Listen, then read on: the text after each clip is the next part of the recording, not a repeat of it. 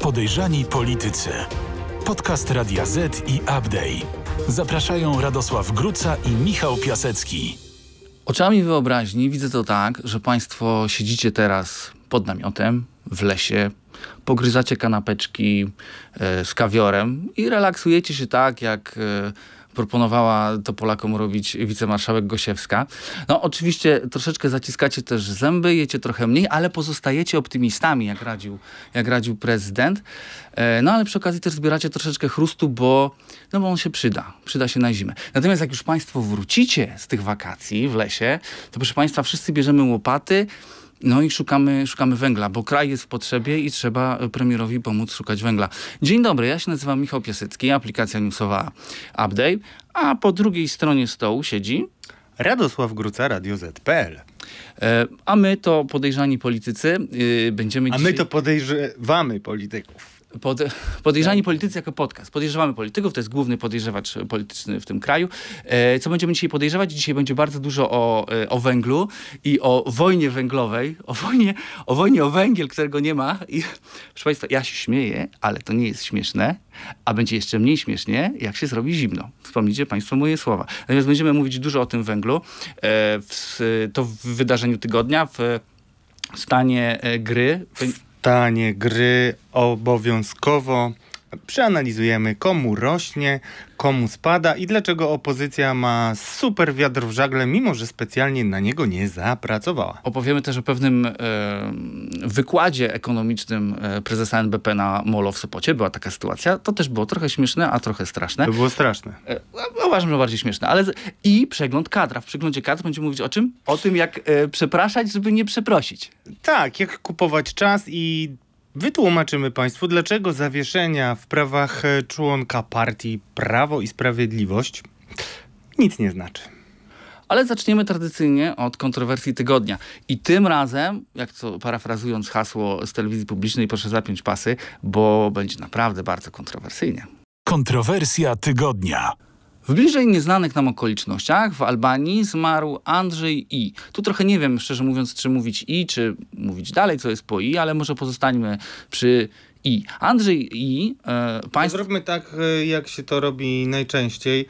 To znaczy, ponieważ to jest ja osobiście myślę, bardzo głupi przepis, e, żeby animizować e, tak, że tak naprawdę każdy może sobie wygooglować prosto i to w ogóle jest bez sensu. Więc po co uprawiać taką fikcję? Chciałem tylko powiedzieć, że człowiek, o którym e, będziemy rozmawiać, czyli handlarz bronią od respiratorów, był mylony w mediach albańskich, e, które podawały, że nazywa się Krzysztof Izdebski. I tak mamy załatwioną sprawę. Dobrze. Andrzej I. Więc Andrzej I, Państwu znany zapewne bardziej właśnie jako słynny handlarz bronią e, z afery e, z zamawianiem respiratorów przez Ministerstwo Zdrowia. Tu w telegraficznym skrócie, gdy wybuchła pandemia, Ministerstwo Zdrowia w panice zamawiało respiratory, których w Polsce nie było. E, bardzo szybko stworzono zamówienie właśnie w firmie mm, pana I. Y, zamówiono 1200 respiratorów, to kosztowało, pan I wziął bodajże 35 y, milionów euro zaliczki, zorganizował 200 respiratorów i krótko mówiąc zniknął. Potem jeszcze zorganizował, dowiózł jeszcze 400, ale Ministerstwo Zdrowia już ich nie odebrało. W każdym razie resort zdrowia jest górę pieniędzy w plecy, no a pan i zniknął y, z radarów y, opinii publicznej i jakoś nikt specjalnie ani zbyt wnikliwie go nie szukał, ani y, zbyt wnikliwie za tymi pieniędzmi też nie tęsknił. No i teraz dowiadujemy się, że pan i nie żyje. Zmarł w Albanii, co samo w sobie jest dość egzotycznym kierunkiem. Natomiast pytanie do państwa, do ciebie Radek, co ty wiesz o Albanii? Poza tym, że, że można tam pojechać na stosunkowo tanie wakacje nad Adriatykiem. Y, ja jestem kroatystą, a to już Bałkany to rzut kamieniem do Albanii. Wiem, że tam rządził Hodża i taki tyran i był największy analfabetyzm y, w Europie. Y, była tam rewelacyjna ekipa takiej armii albańskiej wyzwoleńczej, która handlowała narkotykami i bronią między innymi, a poza tym jeszcze wiem, że Albania była z nami w grupie i wygraliśmy z nimi, no ale to, oni wygrali z Węgrami. To, to, już, to już całkiem, całkiem sporo wiesz, natomiast... A ty co wiesz? Teraz- Chcesz nam coś opowiedzieć? To może powiedzmy, dlaczego w ogóle rozmawiamy o Albanii No i dla- o tym dlatego, gościu. Dlaczego? Dlatego, że je, Bo jeżeli... on było śledztwo, to jest ważne. Tak, było śledztwo, y, w, w trakcie którego pan wyjechał y, z Polski przez nikogo niepokojony i y, dzisiaj dowiadujemy się, że nie żyje. Akt zgonu wystawiono w Tiranie z datą 20 czerwca, to jest miesiąc temu. Natomiast nieoficjalnie, nieoficjalnie e, e, pana znaleziono w jednym z miast e, w północno-wschodniej Albanii. Ktoś, kto jeździ do Albanii tylko nad morze, to może tego nie wiedzieć. Natomiast północno-wschodnia Albania to jest region, który rządzi się swoimi prawami i tam administracja państwowa, delikatnie mówiąc, tak żeby nikogo nie urazić, to funkcjonuje tam tylko i wyłącznie na mapie, bo jej tam po prostu nie ma. Ten obszar stał się takim rewirem, do którego uciekało i wciąż ucieka bardzo wiele osób, które chce się ukryć. Wszyscy czołowi bandyci czy e, przestępcy albańscy, bo tam przestępczość bardzo mocno rozwinęła się po, e, e, po upadku reżimu. Jeżeli chcieli zwiać, chcieli uciec, uciekali właśnie tam. No i, i jeżeli prawdą jest, że to właśnie tam znaleziono pan, ciało pana Andrzeja I, no to rozpoczynamy nasz kącik teorii spiskowych. I teraz chciałem do ciebie pytanie, e, e, Radosław. Ponieważ ty raz, że lubisz, zawsze orbitujesz w, w takim kierunku, dwa, że mm, przecież jesteś tutaj też naszym ekspertem od służb. Co w służbach mówi się o tym? Bo ja chciałem tylko zwrócić uwagę na to, że jeżeli bohater bezprecedensowej afery. E, Wyjeżdża z kraju, jak gdyby nikt go specjalnie nie szuka, ginie. 20 czerwca jest e, wystawiony akt zgonu, a polskie służby biorą się mniej więcej po miesiącu e, za weryfikowanie tego, czy on naprawdę nie żyje, czy rzeczywiście zmarł, bo, bo, bo, bo to cały czas nie jest jakby potwierdzona oficjalnie informacja o tym, że on nie żyje. To hello, o co tutaj chodzi? No chodzi o to, że wszystko wskazuje na to, że Andrzej I, pan handlarz, był współpracownikiem służb od wielu, wielu lat i był pod specjalną ochroną. I to zresztą wszystko wskazuje na to, że ta ochrona, po pierwsze, był kiedyś e, współpracownikiem komunistycznych służb, ale e, już w wolnej Polsce robił interesy z takimi ludźmi jak na przykład Wiktor But. Widziałeś taki mm, e, film Pan Życia i Śmierci z Nicolasem Cage'em? To jest właśnie o nim. Z takim gościem, który po prostu zasypywał świat e, jakimiś niesamowitymi ilościami broni. Między innymi współpracował ten pan Andrzej I. I teraz ja jeszcze chciałbym przypomnieć, bo to często umyka ludziom, a jest to Albania, mm, która pojawiała się wcześniej w, przy jego przekrętach. Bo mm, opisywałem e, w Okopres historię, która została ujawniona między innymi zresztą dzięki Bartoszowi Kownackiemu, wiceministrowi u Antoniego Macierewicza, który nadzorował zbrojeniówkę. I historia polegała na tym, że jeszcze za czasów Platformy Obywatelskiej Andrzej I oferował em, zakupy mm, takiej firmie Nitrochem. I e, no cóż, generalnie krótko mówiąc, transakcja mm, była, ale jakoś nie do końca się wywiązano i pieniądze gdzieś się rozpłynęły. To było kilkanaście milionów i pokazywano to na komisji e, w parlamencie. Taki audytor śledczy, jeden z najlepszych e, w Polsce, Wojciech Dudziński, e, został zaproszony na komisję i na tejże komisji opowiadał właśnie o tym, jak we współpracy z Albanią gdzieś tam się pieniądze rozpłynęły na, w jednej, pieniądze jednej z firm zbrojeniowych, która miała zrobić świetny interes i tam był Andrzej i I właśnie, no cóż, e, było prowadzone śledztwo i teraz powiedz mi, jak to jest, bo, bo ty się zastanawiasz, jak to jest możliwe, że wyjeżdżają ludzie i w ogóle nie jedna taka osoba wyjeżdżała. Przypominam, że Falenta mimo wszystko został ściągnięty z Hiszpanii. Ostatnio e, też bardzo ciekawe osoby zatrzymane, o których na pewno opowiemy w kolejnych podcastach, ale zwróć uwagę na to, jeżeli już za czasów rządy tej złej tej platformy PSL-u, niemieckiej, partii i tak dalej, um, Andrzej i współpracuje ze zbrojeniówką. Zbrojeniówka jest pod e, stałą ochroną kontrwy- kontrwywiadowczą. Tam jest, tam w każdym zakładzie jest taki jeden oficer, który musi mieć oczy i uszy szeroko otwarte. E, I teraz zmiana, mm, jak wiadomo, była potężna, jeśli chodzi o zbrojeniówkę. Weszli ludzie PiSu, wszedł pan Jarema, o którym mówiliśmy, ale nie dzisiaj. Były szef gabinetu politycznego Mariusza Błaszczaka, ale zobacz, Gość, który zrobił wał e, na zbrojeniówce e, polskiej e, za czasów Platformy, potem jest specjalnie zaproszony, bo tak wszystko na to wskazuje, do mm, poufnej operacji pozyskania re- respiratorów. E, I co? i bierzesz gościa, który był umoczony w interesy z konkurencją, w którą walisz jak w bęben, zarzucasz jej korupcję i tak dalej, no to zastanów się. Zastanówmy się, jak to mogło wyglądać. Albo było tak. Panie Andrzeju, pan wie, że mamy tutaj albański wątek e, zbrojeniówki z platformy. Pan dla nas zrobi to.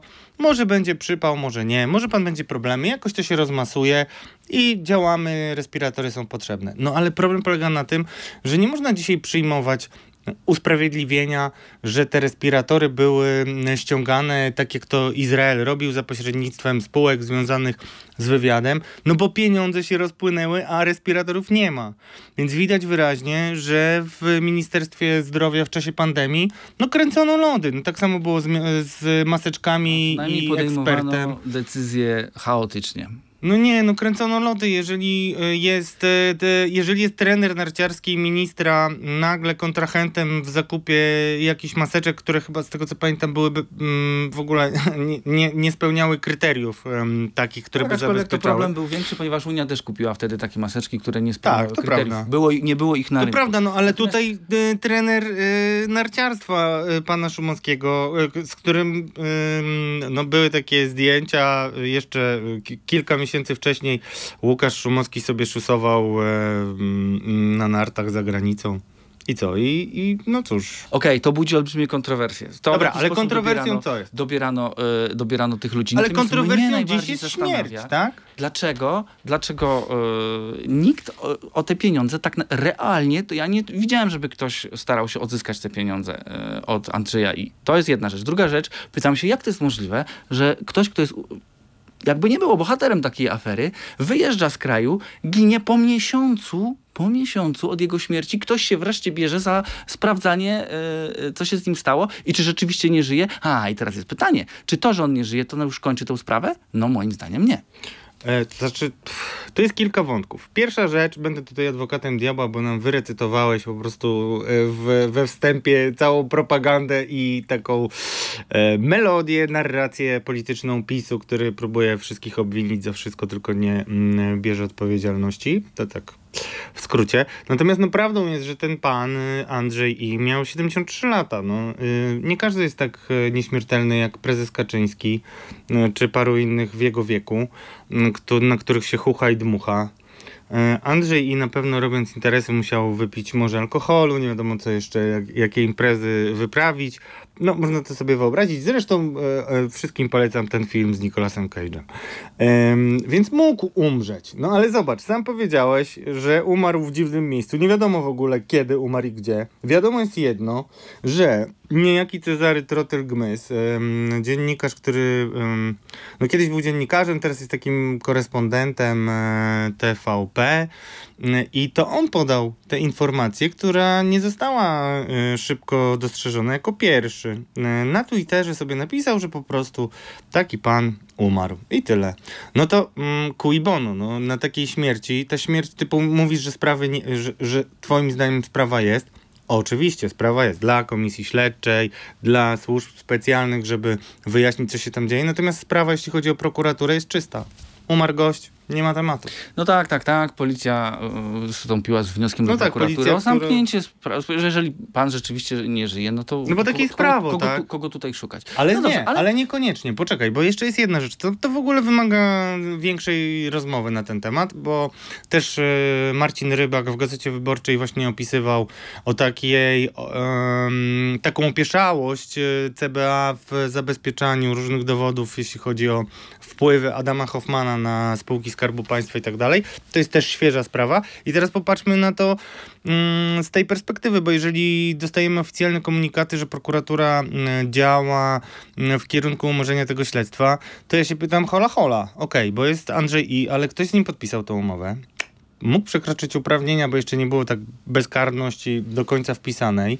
Wiadomo, że to był pan Cieszyński. Mm, e, ktoś e, dał zgodę na to w służbach, mm, a były też negatywne opinie. Teraz e, Gazeta Wyborcza jeszcze opisywała mm, piórem pana Czuchnowskiego i jeszcze kilku dziennikarzy o tym, jak ta sprawa była dyskutowana na Komisji Służb Specjalnych i tam wskazywali na dziwną postawę Agencji Wywiadu, bo ABW się odcięła od tego. Ale co jest kontrowersją w tej sprawie? Kontrowersja jest taka. Po pierwsze kończy się sprawa no, najbardziej ordynarnego wału tej ekipy. Bo wiadomo, że tam wbrew temu, co mówi prezes Jarosław Kaczyński, który swoim słowem jest w stanie mm, no, zamknąć każde śledztwo, aferę i tak dalej. Powiedział, że nie ma sprawy respiratorów i nic się tutaj nie, nie wydarzy. Tak? Takie ogłoszenie dał jako wicepremier. To jest primo. A sekundo, drodzy Państwo, no to pytanie, jak to jest, że mamy nie pierwszą wcale śmierć, która mm, budzi I wątpliwości. o tym właśnie chciałem powiedzieć, że ta śmierć nie zamyka tej sprawy. O to mi chodziło. Ale teraz właśnie pytanie do ciebie jako um, Ale to powiedz mi jeszcze, bo... bo... miłośnika takich e, teorii z pogranicza e, światło-cienia. Bo to, mnie. bo to nie jest właśnie, dokładnie, to nie jest pierwszy taki, powiedziałbym, dziwna śmierć na, na graniczu polskiej polityki, prawda? To nie jest pierwsza. No nie i co najgorsze, wszyscy znamy historię samobójstw na przykład. To, to wylansowany przez e, nieżyjącego już blogera e, termin seryjny samobójca, bo przypomnę, że generał Sławomir Petelicki świętej pamięci zastrzelił się u siebie w domu. E, Andrzej Lepper powiesił się u siebie w biurze. Dziwne to były historie o tyle, że na pewno spaprała prokuratura z historię zabezpieczenia dowodów, jeśli chodzi o Andrzeja Leppera. To, to był piątek, tam w sobotę nie, Czekano do, nie pracuje i czekano tak dalej, tak poniedziałku z badaniem. No, tak też były takie publikacje, między innymi w Do Rzeczy Wojciecha Wybranowskiego, w które szczerze mówiąc nie wierzę, które wskazywały na to, że tam był jakiś spisek i tak dalej. E, Zdaje się, że było inaczej, ale nie o to chodzi. Chodzi o to, że było tyle za czasów PO-PSL-u ym, dziwnych śmierci, że udało się ukuć taki termin. mm, Seryjny samobójca. A teraz mamy śmierci po prostu z dnia na dzień, o których się ogłasza najczęściej parę tygodni później albo jakiś czas później, nie wiemy od razu. I dotyczą one osób, które są w samym centrum różnych No afer. to przykłady. No, poza Andrzejem i o którym e, dużo możemy sobie dzisiaj wyobrażać, no bo jeżeli jesteś poszukiwanym, ewidentnie umoczonym facetem, e, który musi sobie znaleźć jakieś miejsce, no to znajdujesz tam, gdzie jakby nie działa państwo i tak dalej i silni ludzie, do których jeszcze dziś będziemy wracać, rządzą. Jak masz pieniądze, a tam parę milionów jednak wystarczy na życie 73-latkowi, no, może mieć e, duży standard, bo e, wysoki standard życia, ale okej. Natomiast, jak jeszcze popatrzymy na bardzo dziwną jednak śmierć dyrektora mm, w CBA, którą opisywano. Mm, Dyrektora, który był bezpośrednio e, no, zaangażowany przynajmniej, jeśli nie odpowiedzialny za kwestię zakupu Pegasusa, który był używany w stosunku do małżeństwa Brejzów i tak dalej, i tak dalej. I zaraz potem mamy taki, m, taką narrację, taki szantaż moralny Stanisława Żaryna, rzecznika Mariusza Kamińskiego, koordynatora służb specjalnych, który mówi, że nie pytajmy o to, bo to jest granie ludzką śmiercią, bo ludzie od razu zaczęli oczywiście pytać, jak to jest możliwe. Tym bardziej, że pan, dyrektor, o którym naprawdę dużo wiem i nie miał dobrej opinii, o czym warto chwilę powiedzieć, no pan dyrektor zmarł na COVID. Jak, jak umierasz na COVID, to masz taką procedurę specyficzną, na przykład nie otwiera się trumny i tak dalej, i tak dalej. To wszyscy Państwo możecie sobie sprawdzić, jak to wygląda. Notabene, że tak powiem, z miasta, od starych kryminalnych policjantów słyszałem, że COVID y, był, mm, tak przynajmniej mówili ludzie z grup przestępczych, no darem losu dla mafii, bo można było te wszystkie takie nieznalezione jakieś zwłoki poupychać e, w trumnach. Oczywiście to jest super teoria spiskowa, ale... Taki mamy dzisiaj kącik. ale taki dzisiaj jest kącik, tak? No bo y, tutaj faktów w ogóle trudno ustalać, jeśli chodzi o, o tą Albanię. Więcej też e, opiszemy w opisie do tego podcastu, jeśli chodzi o te kontrowersje. Natomiast tak, mamy tego dyrektora. Mm, dyrektor był, po pierwsze, musiał być zaangażowany w kwestię zakupu, a po drugie, zajmował się technikami operacyjnymi.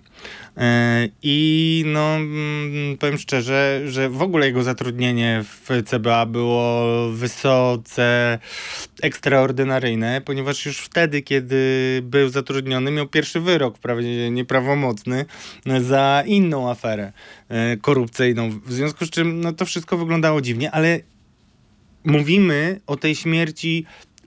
Co, zastanówmy się, jakie mogą być takie opcje, nawet teorie spiskowe. Albo facet trafił na seryjnego samobójcę albo coś takiego i o tym nie wiemy, albo został zamordowany, albo zniknął, tak? Znaczy to są takie podstawowe rzeczy. Zniknął w sensie, że się rozpłynął i teraz będzie żył na jachcie, tak jak kiedyś Andrzej Zybertowicz zastanawiał się, czy, czy Jan Kulczyk nie sfingował swojej śmierci. I tutaj mamy bardzo podobną sytuację, tak? Musimy, mm, przy covid to w ogóle pewnie nie było żadnej sekcji, a jak ta sekcja była, to w covidowych warunkach też mm, można mieć różne wątpliwości co do tego. No i dyrektor z TBA błyskawicznie pochowany, zniknięty, że tak powiem. E, nie po polsku. No i zobacz. I moi rozmówcy ze służb zwracali uwagę, że on mm, po pierwsze był zdrowy i tak dalej, ale zajmował się przez lata legalizacyjnymi rzeczami, czyli produkował tożsamości, wiedział jak to robić. Jeżeli taki facet, który jest jednym z lepszych ekspertów od tego typu um, historii, nagle um, umiera, no to jego koledzy zakładają, że on wcale nie umarł, tylko gdzieś sobie wyleciał. No I mówię, nie rozmawialibyśmy pewnie o tym, gdyby nie to, że sam profesor Andrzej Zybertowicz zastanawiał się na temat e, Jana Kulczyka. Idźmy dalej jeszcze. Tutaj bezsprzeczna historia, na pewno człowiek nie zniknął, który zmarł. Bokser Kostecki. Mm, cygan, tak zwany. Afera y, podkarpacka, dział burdele dla mm, VIP-ów, w których y, miano tych VIP-ów nagrywać. Przypomnę, że trwa proces, rozmawialiśmy o tym, Andrzeja Rozenka, mm, który został pozwany przez marszałka Kuchcińskiego. Andrzej Rozenek e, opisał historię, których też e, informowaliśmy z Mariuszem Gierszewskim w Radiu Z, historię mm, taśmy bardzo tajemniczą, którą widział były oficer CBA, bardzo zaufany z taką wręcz licencją na zabijanie, jak to mówią, czyli z bardzo szerokimi uprawnieniami, które dostał od samego Ernesta Bejdy.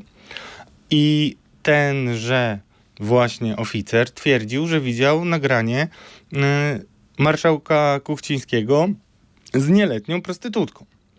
No, nie muszę ci mówić, jaki by to mogło mieć e, impact na, polską politykę, e, szczególnie w czasie, gdzie rozmawiało się o pedofilii bardzo dużo, mm, gdyby coś takiego było ujawnione. I tam mm, nawet powstał film o tym bardzo zły Patryka Wegi, ale e, pomagający Pętla, bardzo zły film, który wybielał w ogóle głównego bohatera tego filmu, a głównym bohaterem tego filmu był Daniel był oficer CBS-u, mm, mm, nie, nie, nie wchodźmy w to, jak się nazywał, ale był oficer CBS-u, który wszedł w relacje z tymi mm, e, braćmi, rzekomo Ukraińcami, podobno Ukraińcami, tak to powiem. E, I to jakby został nawet oskarżony za współpracę ze środowiskiem przestępczym. Jego film Patryka Wegi wybielał. E, ale faktem było i mówiło się o tym w Rzeszowie i na Podkarpaciu, że tenże policjant, e, który miał współpracować z tymi mm, ludźmi od burdeli, którzy e, taśmami mogli szantażować polityków, był w konflikcie z Kosteckim. Kostecki. Tak, to była konkurencyjna Tak, konkurencyjna firma. działalność, tak, mhm. bo była wojna rzeszowska. Tu z kolei e, superwizjer TVN zrobił materiał o wojnie burdelowej w Rzeszowie i tam były dwie, dwie jakby firmy rozrywkowe. Jedną firmę rozrywkową z agencjami towarzyskimi mieli bracia R ci właśnie Ukraińco-Rosjanie, no trudno to zidentyfikować, a drugą mm, firmę e, rozrywkową miał Kostecki i jego rodzina. Kostecki siedział w więzieniu, kiedy ta sprawa z taśmą mm, Kuchcińskiego wyszła na e, jaw i jakoś wkrótce po tym, jak e, zaczęły się różne poszukiwania tej płyty i w ogóle informacji o tych agencjach towarzyskich, to Zmarł w więzieniu. Podobno popełnił samobójstwo. Tutaj przynajmniej wiemy, że on faktycznie nie żyje i, i że nie sfingował e, swojej śmierci i tak dalej, bo to akurat jest nie do wykonania, bo my tak e, no, dyletantów takich e, w służbach, że trudno mi sobie wyobrazić, żeby aż taka była mistyfikacja. Natomiast były takie wątpliwości, między innymi dotyczące mm, jakiegoś dziwnego nakłucia na jego ciele i jeszcze paru innych rzeczy. Znaczy, niektórzy uważali, że to jest niemożliwe, możliwe, żeby on mm, sam targnął się na życie. Już nie mówię, że to stary zakapior, bokser, twardy zawodnik, w świecie kryminalnym osadzony. Myślę, że sobie poradził świetnie w kryminale. No, to wszystko było bardzo, bardzo dziwne, tak? Więc... No, była to głośna historia i, e, i, i, i ona cały czas pozostaje tajemnicza. Bardzo. No, Rodzą się na, niej, na, na, na jej kanwie, zwłaszcza, że teraz rzeczywiście wraca y, kwestia tych, y, całej tej afery podkarpackiej, która przez jakiś czas była troszeczkę przemilczana. E, COVID też sprawił, że, że trochę opinia publiczna okiem zaczęła patrzeć w inną stronę. Teraz to wszystko zaczyna wracać. Ale zostawmy to, bo jest jeszcze kilka innych fajnych tematów, o których chcemy porozmawiać. A na koniec, tak żart, pół żartem, pół serio, to yy, nie wiem, czy może ktoś wyciągnął wnioski z naszego poprzedniego podcastu, kiedy mówiliśmy właśnie o świadkach koronnych władzy. Mam nadzieję, że tak nie jest, proszę Państwa. Oby nie. Wydarzenie tygodnia. Głównym tematem tygodnia jest oczywiście węgiel i poszukiwanie węgla w Polsce, którego brakuje.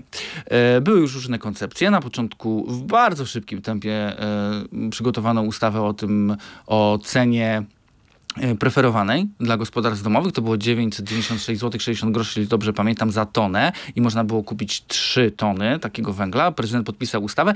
Natomiast składy węgla e, pokazały gest Kozakiewicza e, premierowi i powiedziały, że one na taką współpracę nie idą, ponieważ w przy takim rozliczeniu on miał otrzymywać y, określoną różnicę. W nie, ale chodziło o to, że oni mieli kredytować to, a tak rząd jest. kiedyś odda, jak obieca, odda, to znaczy, że obieca. Odda według określonego przelicznika i oni wychodzili tam od 500 do 800 zł, w zależności jak liczyć na każdej tonie w plecy. Więc nic dziwnego, że się nie zgodzili. Rząd, że jest pod ścianą, bo yy, ceny węgla są rzeczywiście straszne, wymyślił nowy projekt, który właśnie przechodzi przez Sejm i nie ma co do tego wątpliwości, że zostanie uchwalony i to jest...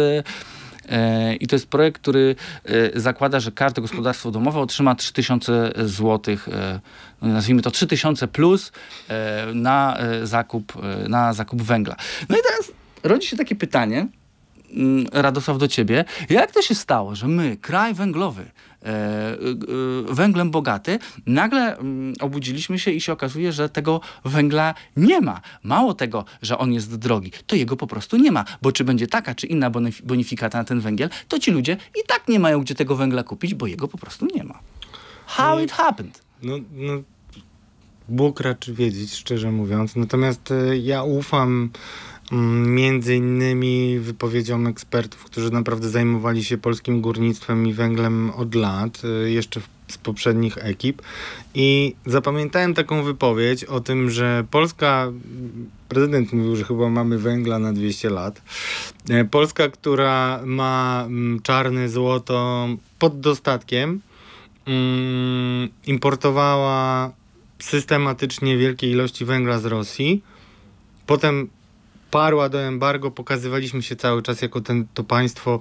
My mówiliśmy o tym, że jesteśmy w awangardzie europejskim, jeśli chodzi o. To nawet europejskie... my tutaj mówiliśmy wiele razy. Tak, tak. jeśli chodzi o ym, e, no, namawianie do sankcji, a potem okazuje się, że tak, premier, który wiedział od listopada. Że bardzo długo martwiliśmy się o gaz, a, tak. każdy a wszyscy zapomnieli nagle o węglu. W, w, w, ogóle to jest jakaś katastrofa, ale popatrzmy na to. Premier wie od listopada, że będzie wojna, tak?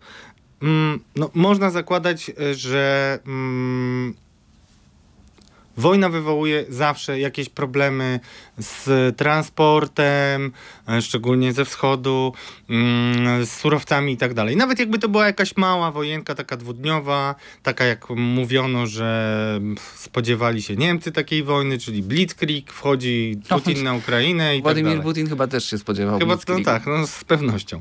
Ale no można było to przewidzieć, tak?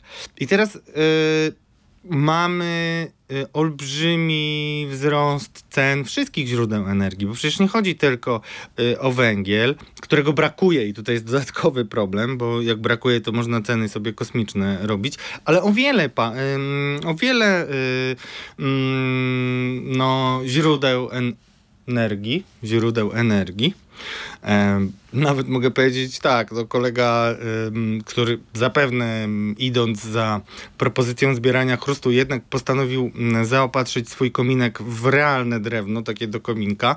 Płacił wcześniej za paletę tam 500 zł, a teraz y, z łaską mu zapłaci, mu sprzeda człowiek. Dzisiaj pojechał szybko do, do punktu sprzedaży za 1500. E, mm, jeśli chodzi o energię, słyszałem, że koleje, na przykład, które muszą płacić za mm, energię do uruchomienia pociągów, mają sześciokrotne podwyżki. I co? A my będziemy jeszcze jakby utrzymywać ceny biletów i tak dalej, bo wiadomo, bo jeżeli bilety by wzrosły, to byśmy mieli taczki seriami ustawiane pod różnymi ministerstwami, bo to uderza każdego w zasadzie. No dobrze, no to, a prezes URE też mówi o tym, że każdy z nas będzie miał podwyżkę kilkudziesięcioprocentową od przyszłego roku, ale y, no, rodzi się zasadnicze pytanie, kto jest temu winien? Dokładnie. No, no i tutaj trwa wielka wojna między Mateuszem Morawieckim a Jackiem Sasinem, em, bo tak sobie chyba wymyślili ludzie, którzy są w otoczeniu premiera, że ponieważ najpoważniejszym konkurentem do objęcia schedy po ewentualnej dymisji Mateusza Morawieckiego jest Jacek Sasin, czyli Jacek Sasin będzie rył pod Mateuszem Morawieckim, czyli będzie miał argument do tego, żeby wyryć pod nim taki dół, żeby go skutecznie tam zakopać politycznie, no- to trzeba co zrobić? Zrzucić na Jacka Sasina, y, wicepremiera, który z racji y, tego, że jako minister aktywów państwowych odpowiada za spółki energetyczne, no to on powinien y, teoretycznie przynajmniej odpowiadać za to, żebyśmy byli przygotowani. No i taki był plan. Wiesz co, to może wrócimy do tego planu przy okazji stanu gry. Natomiast chciałem cię jeszcze zapytać, dlaczego nagle okazuje się, że premier od, od wielu, wielu dni wiedział o tym, że tego węgla zabraknie i nic się nie wydarzyło. W sensie nagle pojawiła się informacja o tym, że premier nakazuje spółkom Skarbu Państwa kupować węgiel, po czym okazuje się, że tego węgla trze- trzeba ten węgiel ściągać z Kolumbii, gdzie on jest niskiej jakości, trzeba go ściągać z Filipin. Jest duża szansa, że ten węgiel w ogóle do nas nie dopłynie. E, ale przez ileś dni premier wiedział o tym, że, że tak będzie, tak wynika z dokumentów, tak? No, powiem szczerze tak. Tutaj trzeba pochwalić mm, za skuteczną obronę ludzi Jacka Sasina, którzy mm, no, zrobili bardzo przekonujące zestawienie, które pokazywało, jak to było na przestrzeni czasu. I udowodnili niezbicie, że zwracali uwagę na to, że trzeba zabezpieczać węgiel. O tym szeroko e, pisał e, Mariusz Gierszewski. e, Tak i jest, też tam tweetował. minęło ileś dziesiąt dni, już nie pamiętam, 70 czy coś takiego, tak? Dni, Tak, zanim znaczy- doczekali się wreszcie reakcji premiera. Nie, no to była. Znaczy to jest. To był bardzo zły pomysł, żeby wchodzić na tym gruncie w spór z Jackiem Sasinem. Mimo, że teoretycznie wydaje się, że odpowiedzialność jest jego, bo mamy taki rząd trochę wbrew temu, co mówił Jarosław Kaczyński, że będzie walczył taką Polskę resortową, czyli każdy jest królem u siebie w resorcie. Tu nie ma żadnej czapy takiej. Jeżeli Macierewicz był w Monie, to kupował sobie co chciał, a Mateusz tylko musiał klepać. I teraz jest bardzo podobnie, jeśli chodzi o Sasina. Tam trochę jest walki na ten temat. No ale y, wystarczy y, tutaj kilka rzeczy, drodzy Państwo, zacytować, bo jest to majstersztyk i tutaj będę się opierał na informacjach, które zgromadził Mariusz Gierszewski.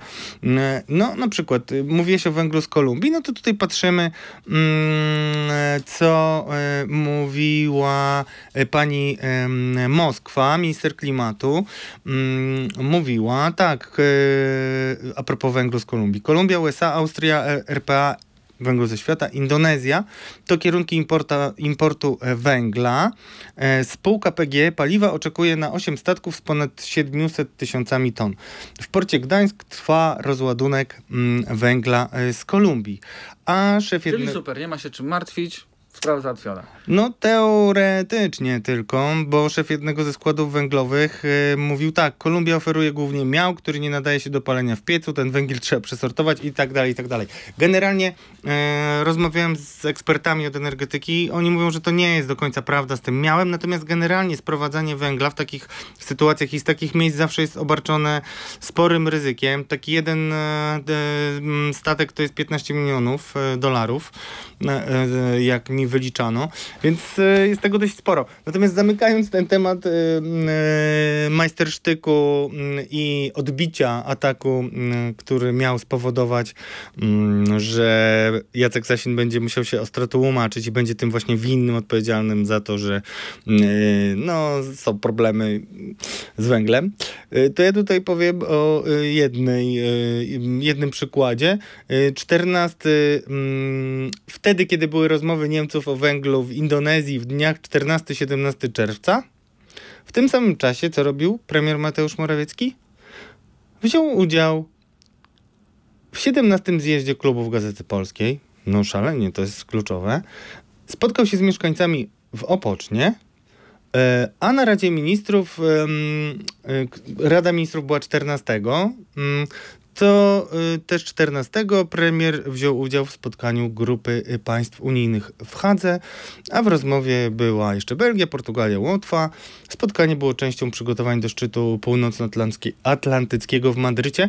Okej. No to chyba uznajemy, że rzeczywiście tutaj ważna jest rzecz. No ale nie wiem, czy Opoczno, Gazeta Polska, jeszcze parę takich dziwnych aktywności mm, premiera, który zareagował na te sygnały dopiero po 75 dniach, podejmując decyzję o utworzeniu takiej niewielkiej rezerwy węgla. No więc widać wyraźnie, że e, premier tutaj przegrał, jeżeli sobie rzeczywiście Dobrze, samemu jest- sprowokował jest, ten... y, tłumacząc, kontratak. tłumacząc to y, zwykłemu Dobra. zjadaczowi chleba, mnie, premier przysnął?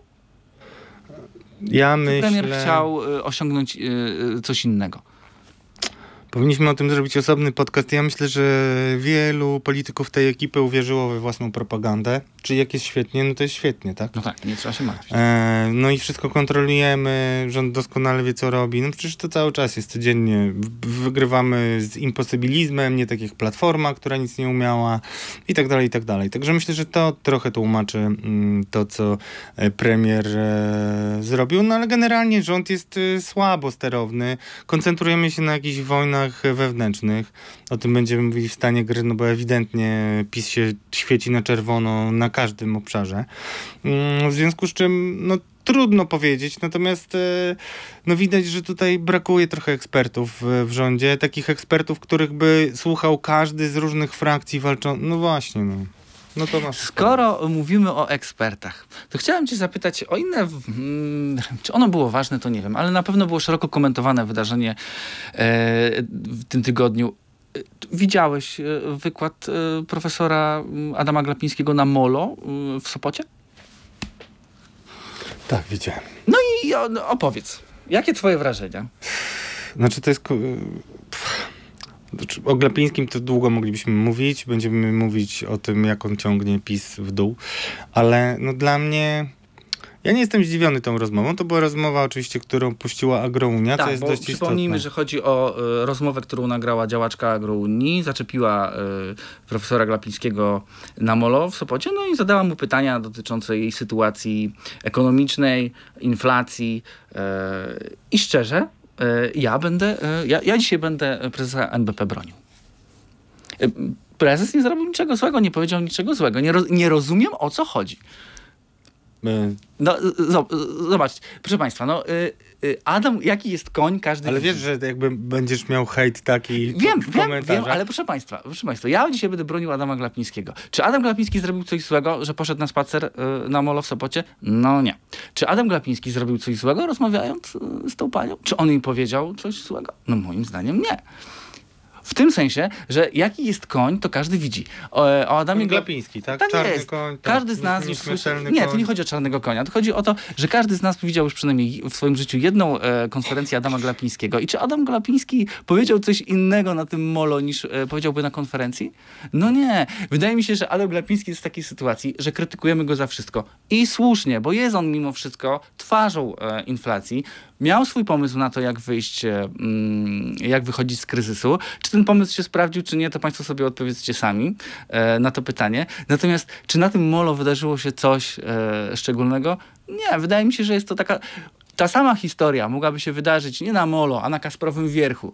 E, prezes NBP mógłby nie rozmawiać e, z tą panią, tylko przed nią uciekać. Albo mógłby jej nie powiedzieć e, o tym, żeby wzięła czteromiesięczny kredyt, tylko mógłby jej opowiedzieć o przepisie na sernik. I tak byśmy go wszyscy krytykowali w ten sam sposób. Więc dlatego uważam, że na tym molo było to zabawne, natomiast nie, nie, nie wydarzyło się tam nic specjalnie nadzwyczajnego. Nie usłyszałem niczego, czego bym nie usłyszał na e, konferencjach e, Adama Glapińskiego. Mam tu, nawet taką sobie zapisałem, bardzo lubię tą e, konferencję, dlatego e, jeżeli Państwo pozwolą, to e, Bardzo chciałbym proszę. włączyć fragment. Uważaj, bo ja też mam tutaj Włączyć fragment notatki. tej konferencji Mhm. e, i uważam, że nie jest ona, niczym nie różni się od tego, co wydarzyło się mm, na Molo w Sopocie, a ta konferencja wydarzyła się w, Dajesz. w TVP. Dajesz, a ty... ty... No. Inflacja zejdzie w przyszłym roku do poziomu gdzieś tam 6, 9 powiedzmy, 9, a, a, a, a, wzrost będzie 2 ponad 2.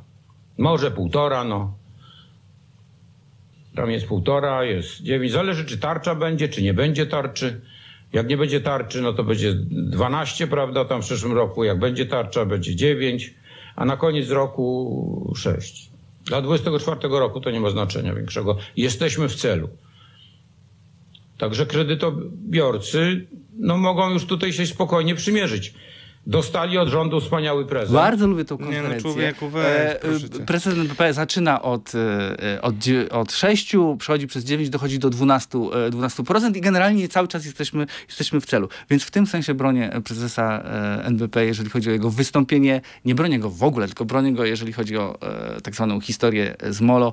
Nie powiedział tam niczego, e, czego byśmy już nie słyszeli. No to ja już zostawię polemikę z tobą. e, Lubimy się, niech tak zostanie. Krzysztofowi Kwiatkowskiemu, byłemu e, prokuratorowi generalnemu, ministrowi sprawiedliwości oraz prezesowi NIK. To dobre kompetencje, czy uznajesz, tak? Dobra, uznaję. No więc napisał tak na Twitterze mm, 18 lipca mm, napisał tak. Prezes Glapiński sam ustala stopy procentowe i ujawnia tajemnice prawnie chronione z czterema wykrzyknikami. Taka wypowiedź. Gdzie? Na Molo. Yy, w Sopocie. Nam się wydaje, że to RPP ustala stopy, RPP Rada Polityki Pieniężnej mm, i obowiązuje tajemnica bankowa. I regulamin Rady Polityki Pieniężnej. Prezes uważa inaczej. Czekamy na ruch prokuratury. W tej sprawie powinna działać z urzędu. Nie, i tutaj mógłbym e, też, jakbym się uparł, że chcę prezesa bronić tak całkowicie i do końca, to też bym go bronił, dlatego że on powiedział w trybie tak przypuszczającym, że no porozmawiamy po wakacjach, czy rzeczywiście Okej. tak się stanie. A, a równie dobrze, e, prezes, nie pamiętam jak się nazywała ta pani działaczka e, Agrounii, No a- ja też nie wiem i to trochę... E, Ale jeżeli, jeżeli po, e, po wakacjach e, stanie się zupełnie inaczej niż prezes tej pani zapowiedział i ona będzie miała do niego pretensje, że ją oszukał, co generalnie samo w sobie jest śmieszne, jeżeli mówimy o, o oszukiwaniu i o e, NBP, e, to e, po drodze wydarzy się tysiąc rzeczy, tysiąc czynników, które mogą wpłynąć na to, jaka będzie wtedy ta decyzja. Dlatego, czy, czy on rzeczywiście ujawnił mm, na sztywno to, co się wydarzy? Śmiem wątpić. No ja jednak uważam, że cała mm, historia narracji Jastrzębia, bo tak się przecież przedstawia, no jakby... No faktycznie nie dodaje mu powagi, ale on jest poważną postacią. Prezes Banku Centralnego jest poważną postacią. A I tutaj jednocześnie jest najbardziej memogenną postacią w polskiej polityce, bądź jedną z najbardziej memogennych. Nigdy jeszcze czegoś takiego nie było w historii Polski, żeby prezes Banku Centralnego był po prostu pośmiewiskiem i człowiekiem memem. Czasami bywasz człowiekiem memem, mimo że nie jesteś e, specjalnie temu winny, bo coś tam palniesz, coś ci wyjdzie, a tak naprawdę e, należałoby to trochę popatrzeć na to z innej perspektywy. Ale zobacz, prezes powiedział coś innego na przykład. Na tych swoich wystąpieniach, które tutaj zacytowałeś nam dziwacznie, mm, to między innymi powiedział, że mm, póki on będzie prezesem, nie będzie euro w Polsce. On tutaj przekona wszystkich, w ogóle nie ma takiej mowy. E, I to jest jedna rzecz, e, a druga rzecz to wdał się w jakieś dyskusje na temat tego, że to Niemcy chciały nas wkręcić w euro, żeby zniszczyć konkurencyjność polskiej gospodarki. To są takie brednie. Znaczy generalnie zaatakował Niemcy, mm, które miały być pod presją ostrą. Mm, e, Ojeju. Pomyliłem się tak. Pomyliłem się. Prezes zaatakował Niemcy, które e, próbowały Nie, ja nie jestem w stanie tego absurdu powtórzyć. Prezes NBP zaatakował Niemcy jako te, które dybią na sytuację ekonomiczną dobrą w Polsce i tak dalej, i tak dalej. No to jest wyjście mm, absolutnie poza jego rolę. To jest, y, jak to napisał jeden z byłych y, ludzi z Rady Polityki Pieniężnej, przekroczenie Rubikonu, jeśli chodzi o no, polityczność jego wystąpień. On ma być apolityczny. No i tak dalej, i tak dalej. No, I widzisz, i właśnie dlatego bronię e, prezesa NBP w, złe- sytu, w sytuacji na molo. Podkreślam jeszcze raz, bronię sytuacji na molo, gdzie prezes nie uciekał, rozmawiał e, z, z Polakiem, nawet na swój sposób dawał takie rady, jakie mógł, natomiast, no, bo, bo nie wiem, jaką mógłby dać e, e, lepszą radę. Ja, ja, ja na przykład nie wiem, nie, nie wiem. Ale w każdym razie, do czego zmierzam? Do tego, że doszło do sytuacji, gdzie ta sytuacja na molo jest mniej śmieszna niż niejedna poważna konferencja prezesa e, NBP. Tak, no to, to tak I- go o, i dlatego- obroniłeś, że po prostu... Bo, od, bo taki był, taki miałem, takim by było moje A, założenie. Podkreślam po raz trzeci, bo nie wiem, czy dotarło do kolegi. Ja bronię sytuacji na molo. Tam się nie nie wydarzyło jego. nic gorszego, e, niż dzieje się na wielu konferencjach e, prezesa NBP. Ja miałem COVID, to nie mam już takiej, mam małą mgiełkę, ale jest takie powiedzenie, że na pochyłą wierzbę każda koza skacze, czy coś takiego. No i wydaje mi się gen- generalnie mało no, mówić o tym, że jak ktoś ma problemy, to najczęściej ma tych problemów więcej. I tak jest trochę być może z Adamem Glapińskim, ale najgorsze dla nas wszystkich jest to, że to jest sytuacja nieodwracalna. Stan gry. Stan gry, w którym sprawdzamy, jak e, politykom, partiom i ugrupowaniom mija e, tydzień i czy na politycznej giełdzie ich akcje rosną czy spadają. E, no, wspomniałeś już o tym i może do tego wróćmy, że w PiSie to mocno na czerwono palą się lampeczki i raczej notowania idą w dół. Tam wydaje mi się, że poziom wojny domowej w rządzie osiągnął już taki pułap, że troszeczkę zapomniano o opozycji. Ale się chyba przyzwyczaiłeś do tego stanu, nie? Nie, nie, do takiego poziomu aż nie. Znaczy, no to y, pamiętajmy, Zbigniew Ziobro... E, A, y, zdaniem chciałem tylko powiedzieć, zakaz mówienia o, dzisiaj o Zbigniewie e, Ziobrze i o e, Mateuszu Morawieckim. E, tego konfliktu dzisiaj nie relacjonujemy. Rozgrzebaliśmy konflikt pomiędzy Mateuszem Morawieckim a em, Jackiem Sasinem. To może kontynuujmy ten wątek. To prawda, bo to jest ciekawa i trochę skomplikowana układanka, ale generalnie zacznijmy od tego. PiS ma straszne problemy, wie, że będzie miał straszne problemy na jesieni, e, energetyka, kwestie różnych skandali, które wychodzą. Zaraz też się pojawi bardzo em, ciekawa publikacja w Radiu Z dotycząca mm, gangsterów, którzy gdzieś tam się blisko mm, ważnych polityków kręcili. E, I no cóż, e, wszystko na czerwono, a jednocześnie Mateusz Morawiecki, któremu trochę chyba paranoje wkręcają jego, mm, jego współpracownicy, postanowił przeciwdziałać ewentualnie mm, ewentualnemu sukcesorowi, czyli Sasinowi i dlatego mm, jego doradcy e, no, zaczęli mm, wracać do starych, dość e, bym powiedział takich e, metod mm, na pograniczu mm, dobrego smaku na pewno, ale nawet gorzej bym powiedział. I stworzyli narrację, którą niektórzy dziennikarze podchwycili, że szykuje się zmiana premiera i że e, Jacek Sasin dybie na jego głowę, marzy o tym, żeby być szefem rządu e, i w związku z tym wykorzystuje Okej, między to- innymi węgiel. No, Stop- Mariusz Gierczewski też ujawnił, że tworzony jest nowy zakon. No to wszystko... e, Dobrze, a czy, czy, czy Jacek Sasin rzeczywiście chce być tym premierem? Tak z twojej najlepszej wiedzy? Nie, wcale nie. A czy jest A ty ktoś- byś chciał być premierem, jak po prostu Armagedon Do, do tego zmierzam. e, Do tego zmierzam. Nie miałem nigdy, proszę Państwa, takich ambicji i e, nie posądzam siebie o to, żebym je kiedyś jeszcze miał. E, Natomiast czy, czy, kto, czy ktoś chce być premierem teraz? Czy ktoś chce za, przejąć to, e, to berło w tym trudnym czasie? Mateusz Morawiecki chce być prezydentem, premierem być musi, a innych kandydatów to nie znam. Donald Tusk chce być premierem, Albo przynajmniej tak twierdzi. ale mówimy ten na razie o, yy, no, o PiSie.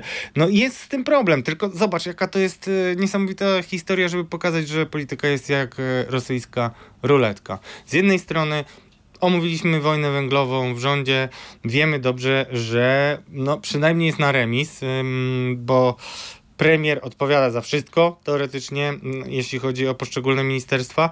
Mm, Wiadomo, że u nas to trochę jest inaczej, więc można było próbować zrzucić na Jacka Sasina. Jacek Sasin się obronił i premier zostaje na tak zwanym musiku. Ja słyszę, że węgle rzeczywiście, mm, no, węgla, mm, zakupy jednak będą miały miejsce i uda się trochę to zatkać, ale to problemów nie załatwi.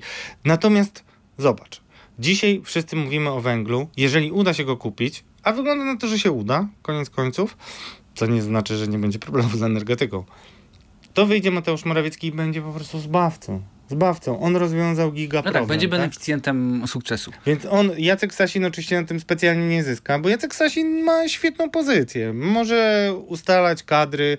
Właśnie tutaj mamy też taki newsik. e, Jest nowa e, postać w Radzie Nadzorczej PZU przewidywana, czyli e, rektor SGH-u. Mm, No, ma duże kompetencje takie, jeśli chodzi o politykę, tak? Czyli buduje się politycznie wewnątrz partii, prezes mu ufa, nie ma tutaj konfliktu, nie myśli, że jest jakiś spisek. Oczywiście zasady prezesa, czyli równoważenie pływ, wpływów, temu coś dodamy, temu odbierzemy, żeby nie czuł się zbyt pewnie.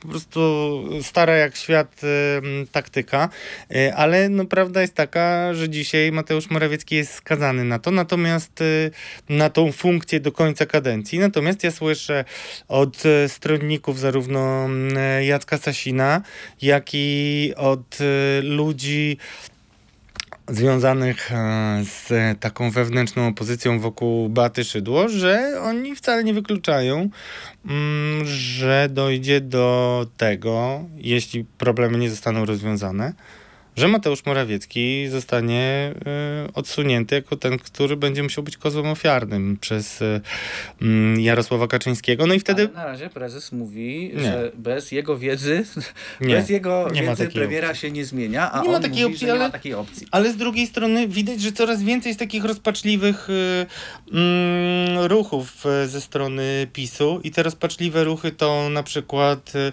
znowu praca nad ordynacją.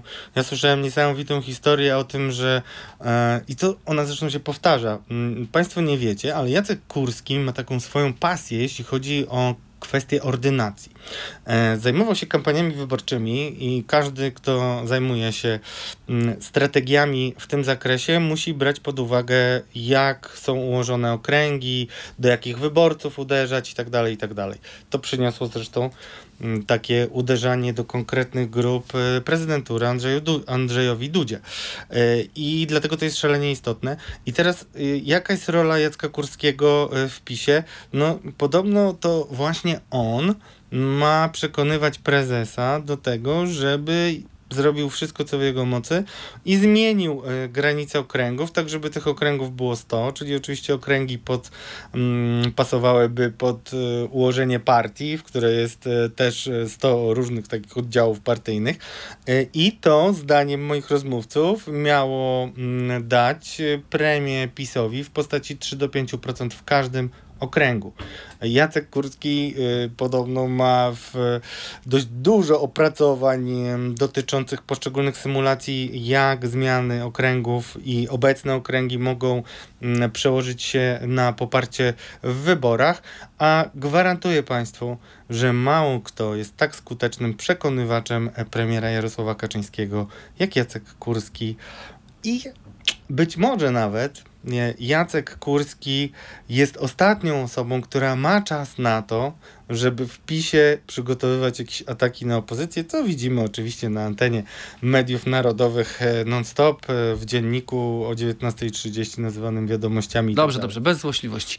A e, jak jest z opozycją, jeżeli chodzi o, mm, o notowania polityczne? Znaczy Czy opozycja... tam się coś zmieniło? Opozycja siłą rzeczy e, bardzo mocno świeci się na zielono, e, bo zawsze krzywda rządu jest, e, jest jej miła.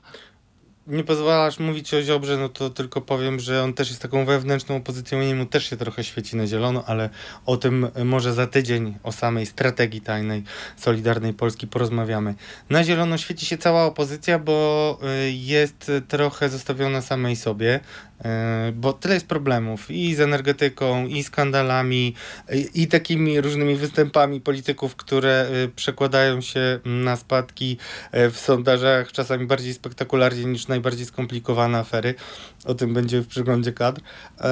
No cóż, opozycja cały czas ma problem z dogadaniem się. Odsyłamy do naszego poprzedniego podcastu, gdzie rozmawialiśmy o opozycji i o tym, jak to się pozmieniało w układzie, że już teraz lewica z Donaldem Tuskiem nie za bardzo jest e, skłonna do współpracy, że Donald Tusk chce przejąć e, Szymona Hołownię i PSL i zrobić trochę mm, próbę rozbicia za pośrednictwem Szymona Hołowni tego sufitu, który ma nad sobą mm, na jednej liście może mieć na to nadzieję, więc oni mają z tym problem. Natomiast jest jeden ciekawy news, który mm, bardzo często i z wielu różnych e, ostatnio ust do mnie e, płyną, platformerskich, okazuje się, że do gry takim, mm, no być może akt rozpaczy, ale jakaś szarża polityczna wraca Grzegorz Schetyna.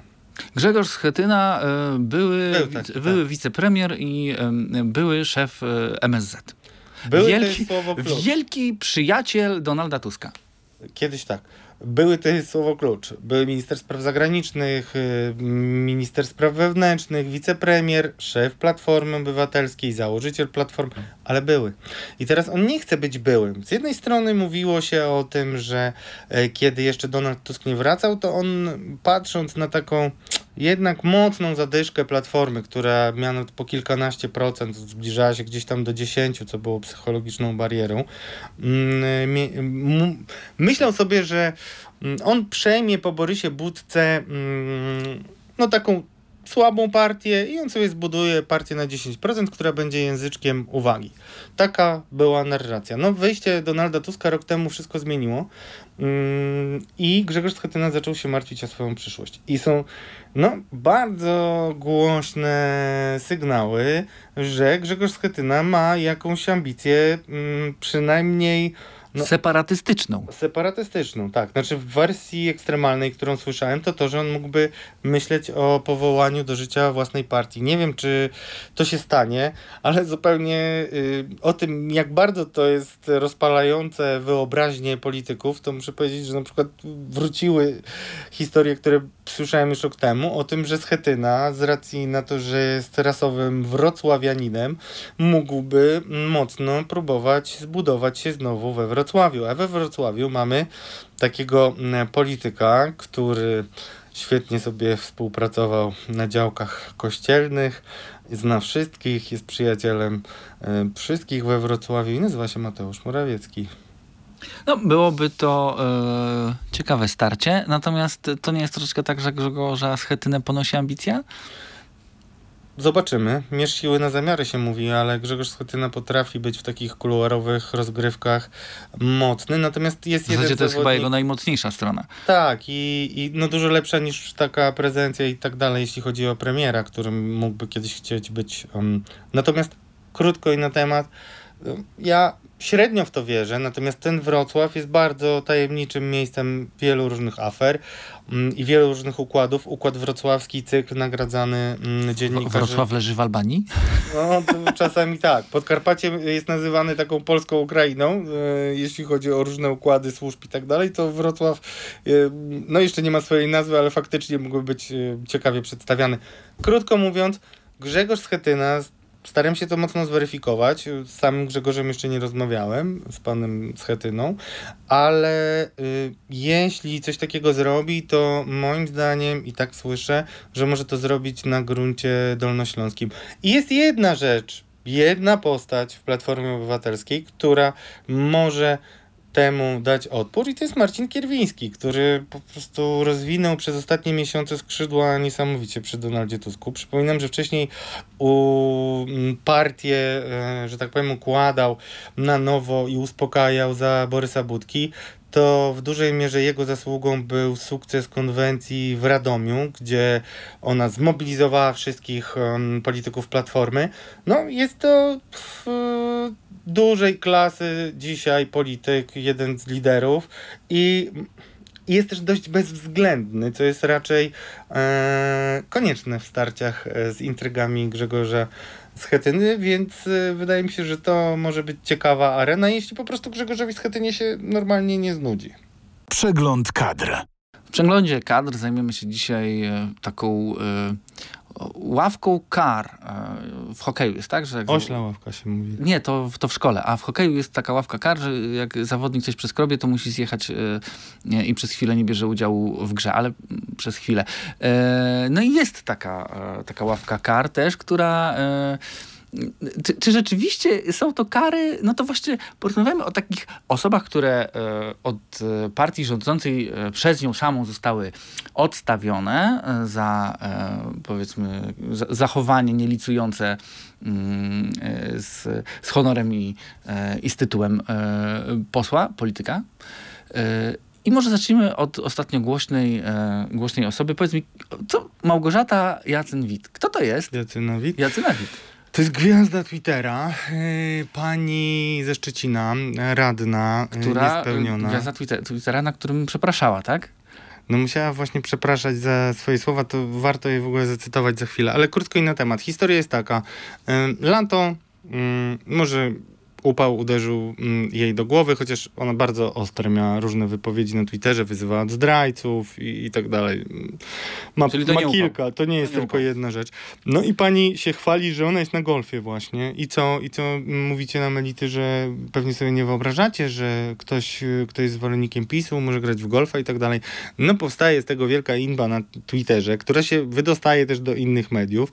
No i ludzie trochę się irytują jednak, bo mm, znowu mamy kobietę polityczkę, y, która, no cóż, y, pokazuje się jako ta, która y, czerpie z życia garściami, no i jednak no, nie współgra to z tym, mm, co mówiła jeszcze parę lat temu Beata Szydło, czyli pokora, umiar, skromność. No, ktoś się lansuje na polu golfowym, mimo że to nie jest na przykład dla mnie, mieszkańca dużego miasta i tak dalej, to nie jest jakieś tam wielkie wydarzenie, ale dla ludzi, którzy zmagają się z takimi problemami życia codziennego, no to jest y, bijące po oczach. Ośmiorniczki. Ośmiorniczki, y, pani Elżbieta Bieńkowska, która mówiła, że tylko idiota albo złodziej pracuje za 7 tysięcy jako wiceminister i tak dalej, i tak dalej.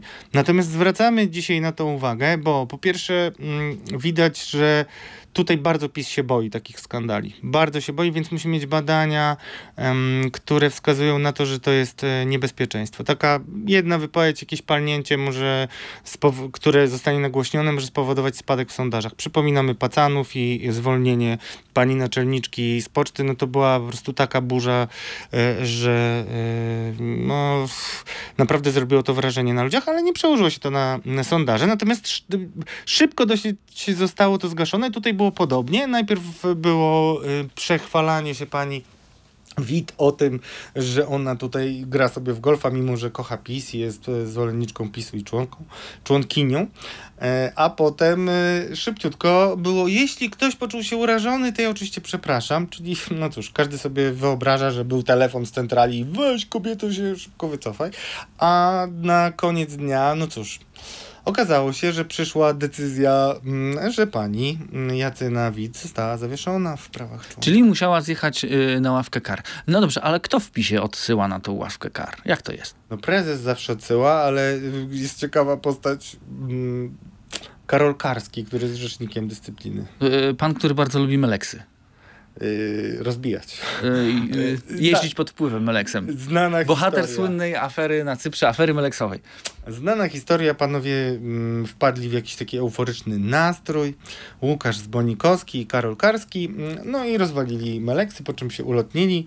Była sprawa, zostali skazani e, przez e, cypryjski wymiar sprawiedliwości, musieli zwracać pieniądze. No i dzisiaj okazuje się, że to nie jest żadną przeszkodą e, dla wskazania Karola Karskiego jako na tego, który jako rzecznik będzie rozpatrywał golfowe opowieści Jacyny Wit. No dobrze, a jest więcej takich osób, które mm, zjeżdżały na tą ławkę kar i w sumie nic im się nie stało, prawda? Proszę bardzo, Andrzej Jaworski, o którym rozmawialiśmy chyba w ubiegłym tygodniu, też dostał. Mało tego, on się tak zbuntował w Trójmieście, że nie podobał mu się kandydat PiSu i za to został. i lansował innego, za to został zawieszony. I co? I potem po cichu, ja nawet. większość tych odwieszeń nawet mm, nadchodzi tak, że trudno się zorientować, kiedy mają miejsce. Został odwieszony, dzisiaj jest e, nie tylko e, w PZU, wice, e, no w zarządzie PZU, ale jednocześnie jest jeszcze pełnomocnikiem PiSu na Gdańsku. No to będę Teraz się zorientowałem, że gdzieś już melodią przeszłości jest e, myślenie o tym, że politycy czy członkowie partii nie mogą być w spółkach wysoko i zarabiać po kilkadziesiąt tysięcy. Jakoś się do tego przyzwyczailiśmy, już nie ma z tym problemu. Okej, a dlaczego tak jest? W sensie pytam, wiesz, z punktu widzenia takiego technicznego, rządzenia partią, jeżeli no, nie ma dyscypliny, no to to wszystko zaczyna się rozłazić, zwłaszcza w przypadku takiego dużego ugrupowania. To, to, to jaki sens ma karanie, skoro jest to, e, w zasadzie odbywa się to, no, no, no nie jest to, e, nie jest to środek specjalnie dyscyplinujący, mam wrażenie, tych posłów. No w ogóle nie jest dyscyplinujący. Eee, moim zdaniem to jest tylko taka zagrywka tania do opinii publicznej, żeby nie musieć już tego komentować i powiedzieć, jest sprawa rozpatrywana, nie będziemy na ten temat rozmawiać. Trochę podobnie jak do tej afery z ukradzionymi mailami Michała Dworczyka. To jest ruska prowokacja, nie będziemy o tym rozmawiać. I bardzo podobnie wygląda to w PiSie. Mm, No i zobacz, mało kto z tych zawieszonych potem jest wywalany. No w zasadzie... No właśnie, co by trzeba było zrobić, żeby rzeczywiście już z tej ławki karnie wrócić na boisko? mieć słabą pozycję polityczną, ewentualnie zabić psa. E, Był taki przypadek. Był taki przypadek, e, pan Bąkowski, senator, który... Waldemar. Tak, który... No cóż, no Za to dużo mówić. Ciągnął psa I to jest dramatyczna za historia. samochodem. Znaczy znęcał się nad zwierzętami, na szczęście jest dzisiaj... Aha, no właśnie. Mm, e, No, ma problemy z prawem. Chyba można o nim mówić, e, że jest byłym senatorem Waldemarem B. Nie wiem, czy nie powinniśmy zrobić PIP, jak ty powiedziałeś jego nazwisko. Ale e, nie, mówiąc poważnie, znaczy... Jestem dumny z tego, że trochę się przyczyniłem do jego zawieszenia, y, bo razem z jednym z dziennikarzy Wirtualnej Polski, on to był akurat Marcin Makowski, zwróciliśmy uwagę na jego antysemickie, mm, on, Marcin Makowski zrobił to pierwszy, zwróciliśmy na antysemickie wpisy mm, kolegi, mm, znaczy kolegi, może nie mojego, y, senatora. Senator pokazywał propagandowe filmy nazistowskie na swoich y, mediach społecznościowych. No cóż, można i tak. No i za to y, po tym, jak opisał to Marcin Makowski, ja zacząłem dzwonić do Beaty Mazurek, która wtedy była rzeczniczką, no to oni szybko postanowili zgasić temat i go zawiesili w prawach członka, potem miał problemy polityczne, no ale koniec końców, y, no dopiero no, tam zarzuty były ostre, bo jego żona mówiła, że on się kompletnie nad nią znęcał, ten antysemityzm, na koniec pies, no to rzeczywiście powoduje, że dzisiaj już y, nie może być y, członkiem PiSu, ale mówimy o tym, żeby pokazać ekstremum, jak rzadko mm, te zawieszenia e, znaczą cokolwiek więcej niż tylko kupowanie czasu i no takie taka metoda polityczna, nie będziemy o tym rozmawiać, niech rzecznik się wypowiada, zadzwonisz do rzecznika, rzecznik mówi, że postępowanie trwa, a potem jakby sprawę, no cóż, zaczyna się zapominać i może się okazać, że po cichu jest e, taki gość odwieszony, albo jak już jest dużo skandali, no to cóż, vox populi, vox dei. Jest to mechanizm, który dotyczy nie tylko, e, nie tylko PiSu. Tym akcentem kończymy. Zapraszamy Państwa e, na przyszły tydzień. Życzymy oczywiście udanych tych wakacji w lesie pod namiotem, aby kawior smakował. Zębów proszę nie zaciskać tak mocno, żeby się On żartuje, pamiętajcie, bo internety nie znają ironii. On cytuje po prostu dobre rady polityków e, PiSu. Tak on jest. tak nie myśli. Dobra, nie wiem jak on myśli. Wszystkiego Michał Piasecki, update. dobrego. Michał Piasecki, update. Radosław Gruca. Radio ZPL. ZPL. Do usłyszenia, do zobaczenia. Do usłyszenia. Podejrzani politycy. Podcast polityczny przygotowywany przez dziennikarzy Radia Z i aplikacji newsowej Update.